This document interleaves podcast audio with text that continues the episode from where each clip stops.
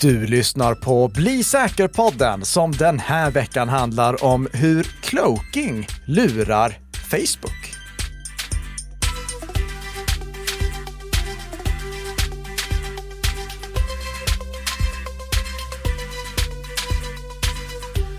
Spännande cloaking. Då tänker jag på Harry Potters magiska lilla eh, skynke. Mm, och det är faktiskt lite det som det här handlar om också. Fast det krävs inte så avancerade saker för att lura Facebook. Det kommer ni få reda på i veckans huvudämne. Och veckans huvudämne, precis som hela podden, är inspelad den 22 februari. Och Det betyder att det blivit ett litet glapp då från inspelningsdag till lanseringsdag som är den 24 februari. En fredag precis som vanligt. Och precis som vanligt produceras den här podden i ett ekonomiskt oberoende samarbete mellan Nika Systems och Bredband2. Men precis, vi har lite uppföljningar först. Mm. För eh, det var ryssen som låg bakom Ja, det finns i alla fall täta kopplingar mellan Anonymous Sudan och eh, Ryssland. Någonting som vi däremot inte har sett täta kopplingar mellan, det är mellan Anonymous Sudan och Anonymous-nätverket och mellan Anonymous Sudan och Sudan.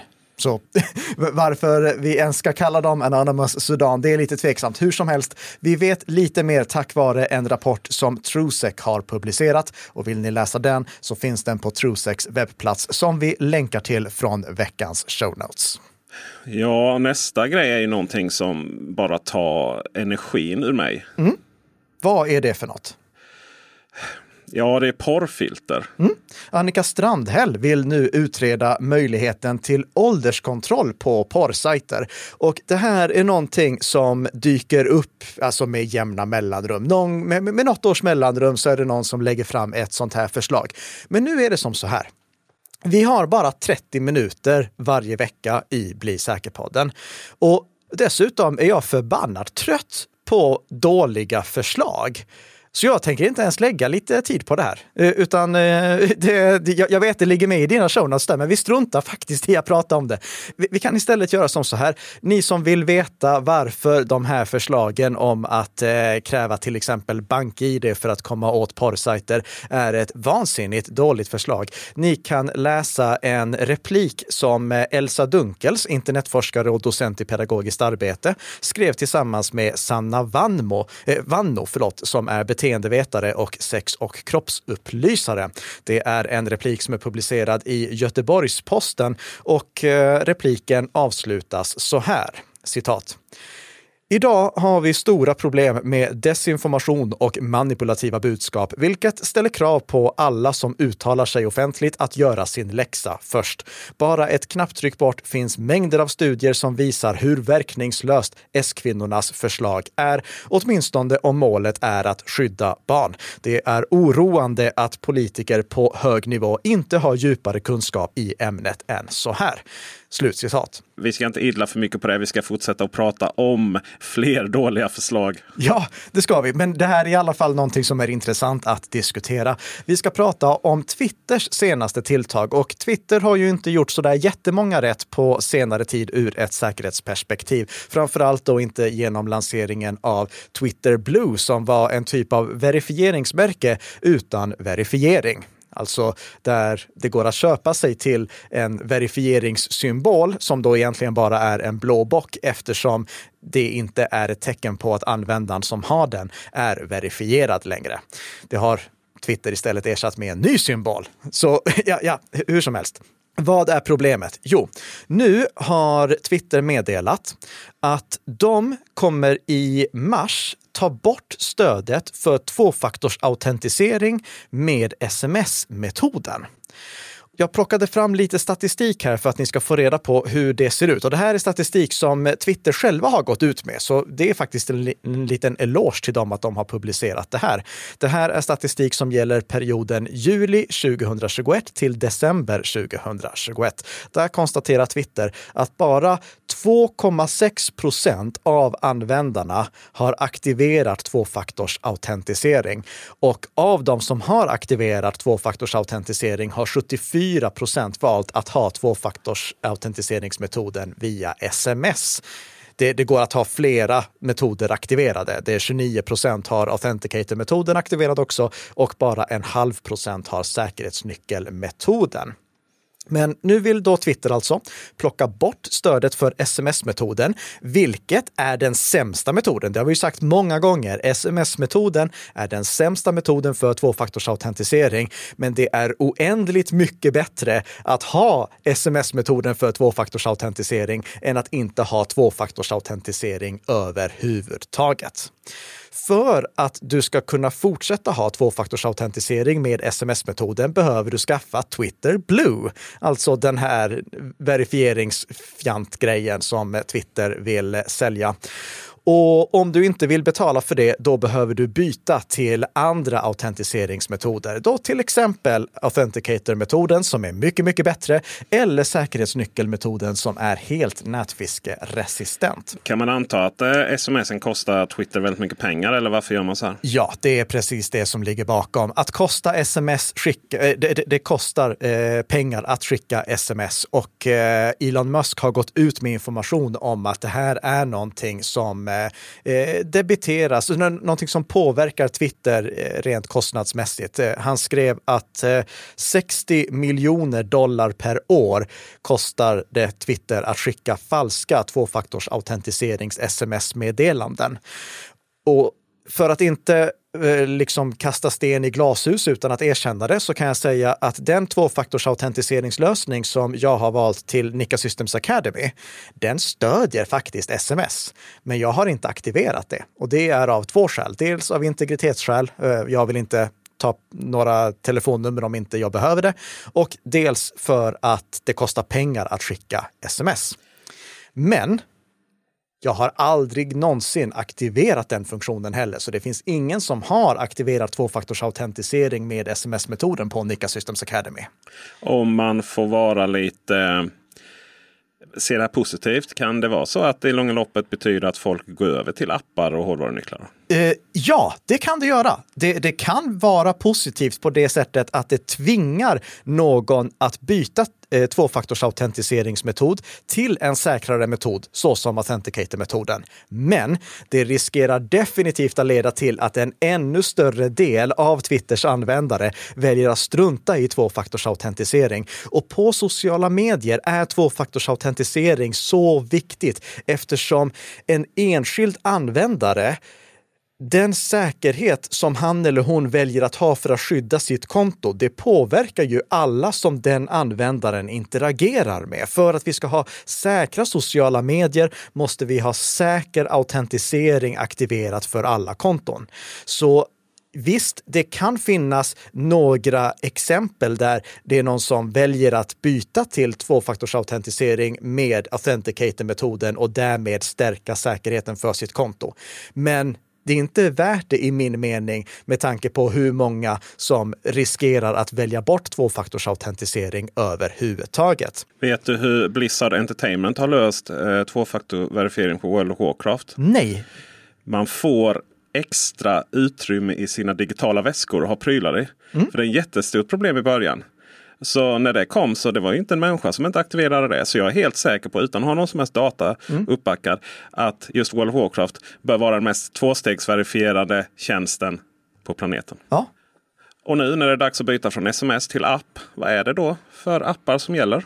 Det har vi pratat om många gånger tidigare här i podden, men vi tar det en gång till, för vi har faktiskt en liten nyhet på just det ämnet också som är en varning faktiskt.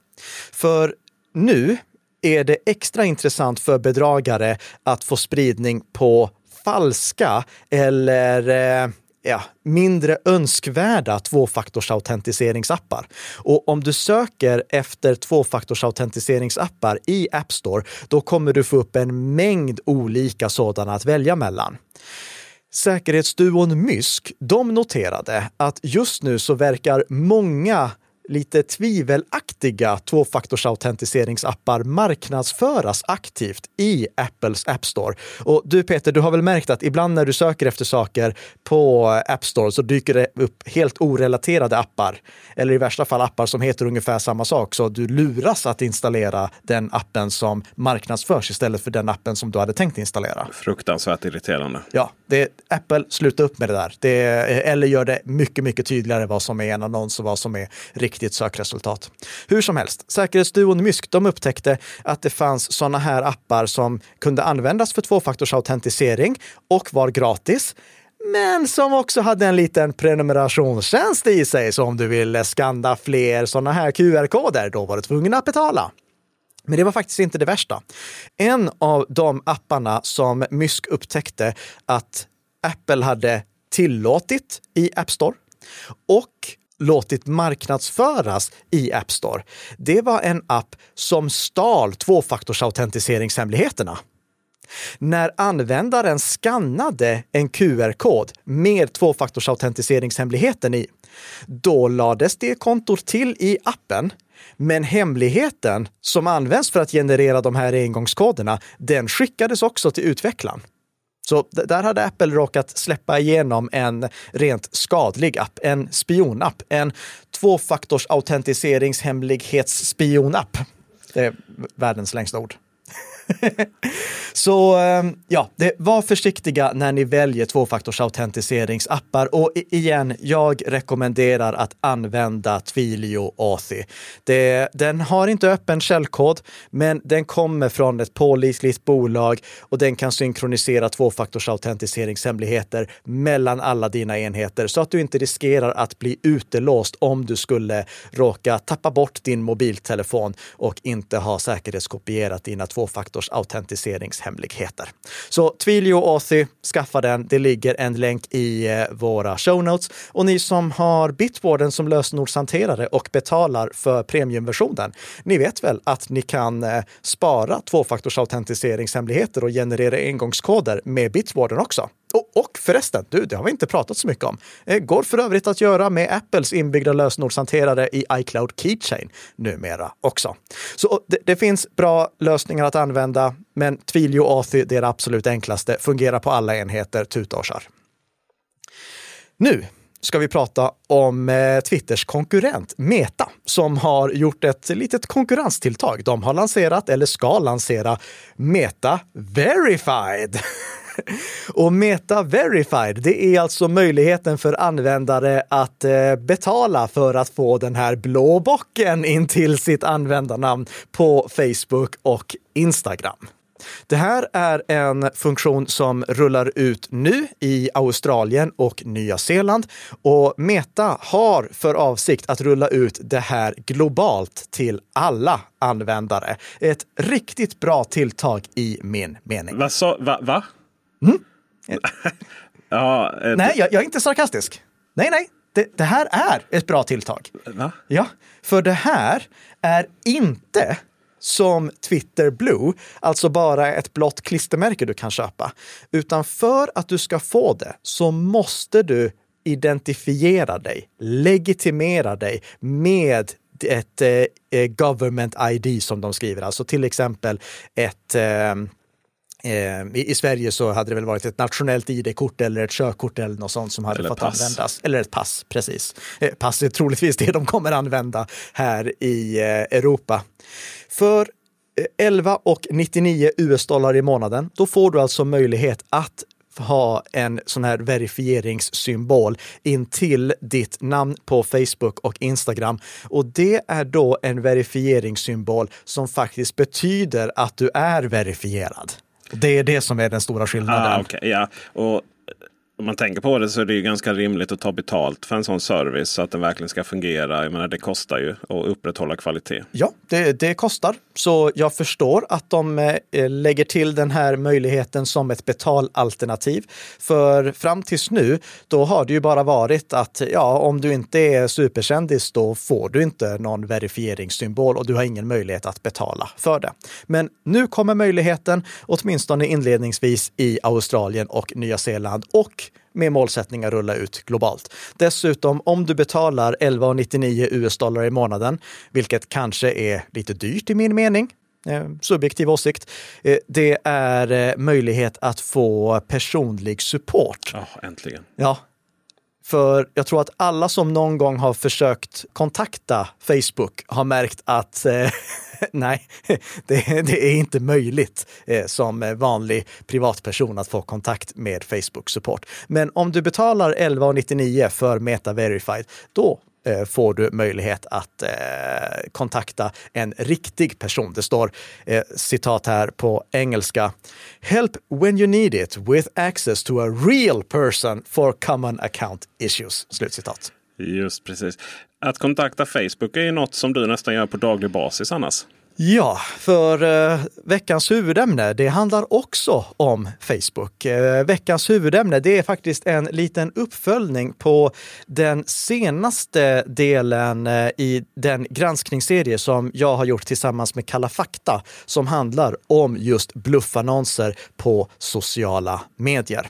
Det avsnittet, eller det inslaget publicerades den 8 februari. Det ligger på TV4s webbplats och jag rekommenderar alla er att kolla på det. Jag tänkte inte gå gå igenom vad som sägs i det avsnittet. Jag tänkte istället följa upp lite vad som har hänt sedan det avsnittet publicerades. Eller vad som inte har hänt sedan det avsnittet publicerades. Och även hur de här bedragarna kan kringgå Facebooks granskningsprocesser med hjälp av cloaking.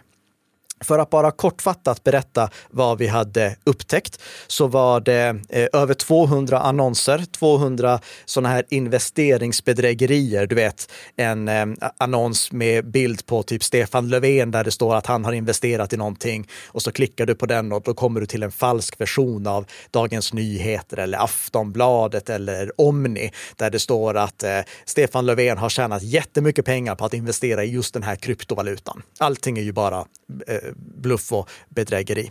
Men vi hade kartlagt över 200 sådana annonser på daglig basis i en månad för att se vad händer egentligen med de här annonserna när de anmäls. Och jag kan väl konstatera att eh, Facebook inte har skött det speciellt bra.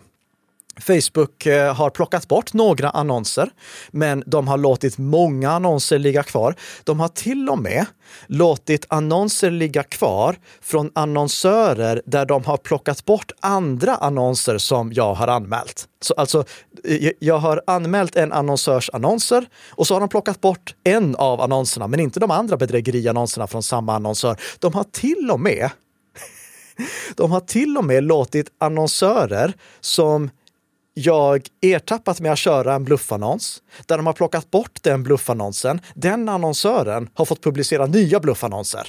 Det, det visar ju att det är något som är systematiskt fel. Jag tycker att det här är, eh, eh alltså, för jävligt, får jag säga det? Ja, hur, ja hur är känslorna? Det är, eh, för, för, att köra den här sportkommentarsgrejen. Eh, det, det, här, alltså det känns bara orimligt. Jag begriper inte hur det här kan få fortsätta år efter år efter år. Det, Fredrik Skavlan var med i Efter fem med anledning av just den granskningen som vi gjorde. Vi lägger en länk till det avsnittet också, där han berättade hur han kände som blev utnyttjad i de här bedrägerierna. Han är ju en av de figurerna som det oftast sägs att har investerat i någonting. Och han berättade om en kvinna han hade haft kontakt med som hade förlorat tre miljoner kronor på ett sånt här investeringsbedrägeri. Det gör ju ont att höra. Ja, och det kan ha varit norska kronor dessutom. Mm. det, och det, det, fortsätter alltså så här. Det, vi kollade ju på några av de annonserna som eh, jag anmälde i januari innan vi gick in hit och spelade in i studion. Och eh, vi hittade två stycken med texten “Bara 7% av svenskarna vet detta” som kördes fortfarande minuter innan vi gick in här i studion. Jag öppnade också Alice Javanetti, alltså mitt påhittade alter egos Facebook-konto i eh, Google Chrome och kollade vad är den första annonsen som dyker upp. Och den första annonsen, det var en annons från Valeria Basurco som är en eh, latinamerikansk sminkinfluencer av bilderna att döma och min skolspanska att döma. Hon hade ett verifierat konto, 118 000 följare och hon som latinamerikansk sminkinfluencer körde en annons för Sverige med texten “Skandalen som chockade världen. Ebba Buschs karriär kan vara över”. Och så var det en bild från eh, Svenska nyheter, du vet humorprogrammet, Ja, med Jesper Röndahl. Ja, det var ju ett tag sedan. Ja, det, det har till och med varit en programledare däremellan eh, som då eh, skulle antyda att det var Jesper Röndahl som hade sagt att eh, Ebba Buschs karriär kan vara över. I, eh, och Svenska nyheter var seriöst också antar jag. Att det var syftet. Ja, ja, ja, såklart. De trodde ju att det var ett nyhetsprogram. Ja, nej, eh, det, det var rent av eh, pinsamt. Eh, och klickade jag på den länken, då kunde jag antingen komma till en sån här investeringsbedrägerisida eller så kunde jag hamna på sidan buyflowmax.xyz där jag kunde köpa, och nu får du hålla i dig Peter, det här är Jag skriver alltså... upp detta. Vad sa du? Ja, Jag skriver upp här nu så att jag är redo. Ja, precis. Det, det som man kunde köpa där, det var riktigt högkvalitativt parkettgolv. Det var modell 4107 Chadwick SPC Luxury som man kunde köpa där. Nice. Och varför i hela friden vi lyfter det, det ska jag förklara alldeles strax. Men det, det, här är bara en del av problemet. Webbhallen, de meddelade i måndags, alltså för två dagar sedan när det här spelades in, att de eh, hade blivit utsatta för en liten eh, tråkighet. Det var ett falskt Webbhallen-konto som tävlade ut en Playstation 5. Det här var ett bedrägeri som i sin tur ledde till Pelema. Och om du tycker att Pelema låter bekant så är det för att det är de här eh, annons eh, personuppgiftsinsamlarna som vi rapporterade om Ah, i Kalla fakta för eh, i december var det vi gjorde det inslaget. Vi lägger en länk dit också. Eh, den annonsen, den rapporterade jag i måndags förmiddag. Den låg fortfarande ute när vi gick in här på onsdag eftermiddag och spelade in. Och Facebook, de hade ju alltså både fått information från mig om att det var bedrägeri och från webbhallen. Dessutom så har jag kollat på några falska Coop och ICA-sidor som jag upptäckte i julas. Och det var faktiskt du som tipsade mig om att jag skulle kolla på falska Coop och ICA-sidor. Jag eh, hittade sex stycken sådana som eh, körde aktiva bedrägerier som eh, ledde till till exempel prenumerationsfällor, ytterligare fyra stycken som var varumärkesintrång. Jag anmälde alla de här och det här är alltså sånt som hände i julas och början av januari. Ingen av de här sidorna är än så länge bortplockade. Facebook har inte tagit bort dem trots att jag har anmält dem. De har däremot återkopplat på en av mina anmälningar, en av mina anmälningar och meddelat att nej, det här är inte någonting vi kommer plocka bort. Och när jag överklagade det, då meddelade de att nej, vi kommer fortfarande inte plocka bort det. Men, vadå, jag fattar, hur är det möjligt? Hur är det möjligt? Man frågar sig gång på gång. Hur är det möjligt? Hur är det möjligt? Äh, Just det, referens som vi fick in där. Yes. Mm, tänkte du på. Ja, nej, men hur är det möjligt? Jo, det är för att bedragare de använder cloaking-metoder för att eh, lura Metas granskare, alltså Facebooks granskare.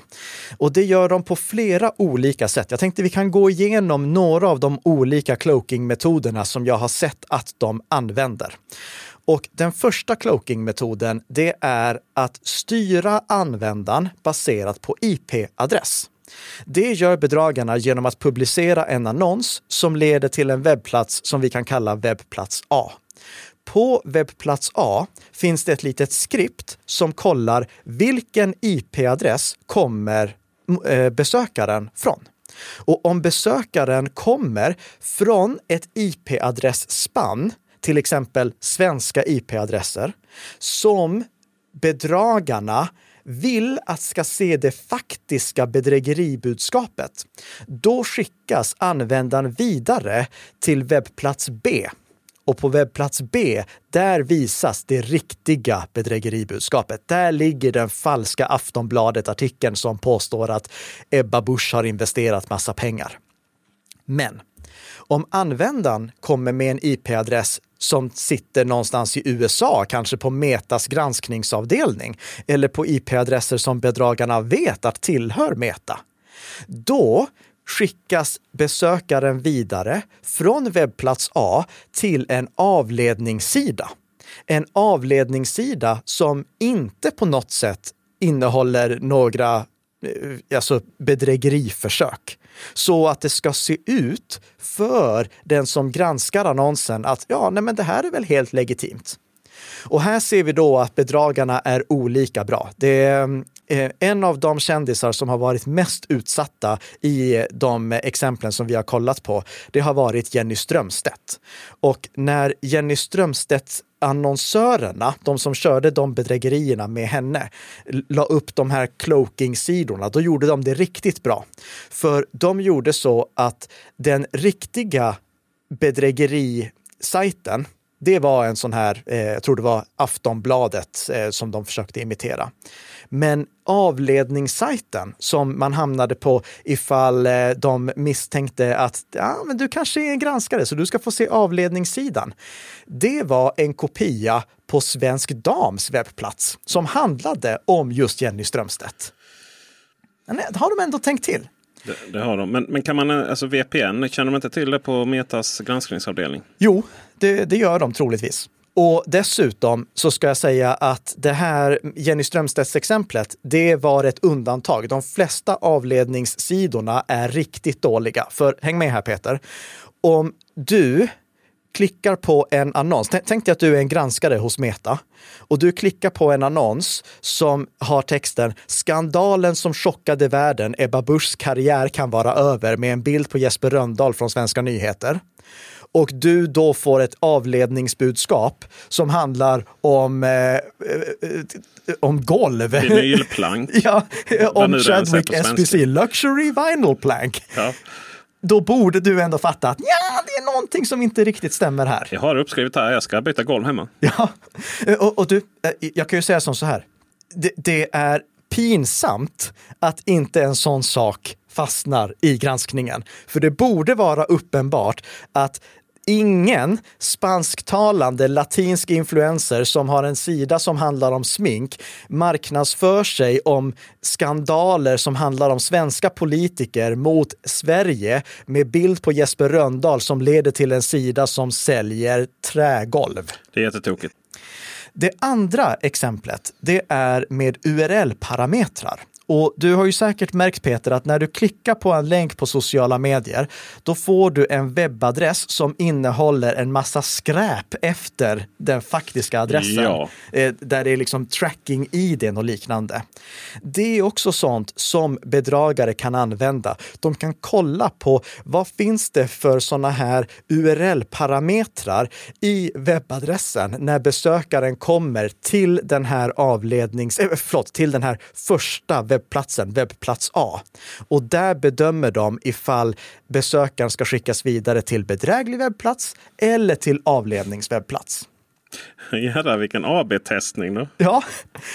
Ett tredje exempel det är fingeravtryck. Och eh, du som lyssnare, om du vill se vad fingeravtryck är, som vi kommer prata mer om när vi pratar om eh, annonser och spåning på nätet, gå till coveryourtracks.iff.org, alltså eff.org på svenska. Um, det ligger en länk i show notes, hör och häpna. Där kan ni se hur det går att spåra er webbläsare baserat på dess fingeravtryck. Och dess fingeravtryck, det är till exempel vilken user agent ni har. Er user agent berättar vilken webbläsare och vilket operativsystem ni kör. Det går att kolla vilka webbtekniker som webbläsaren har stöd för och det är till exempel ifall webbläsaren stöder GZIP. Om webbläsaren stöder GZIP, då kan webbsidan som ni besöker skicka datan komprimerad så att det går lite snabbare.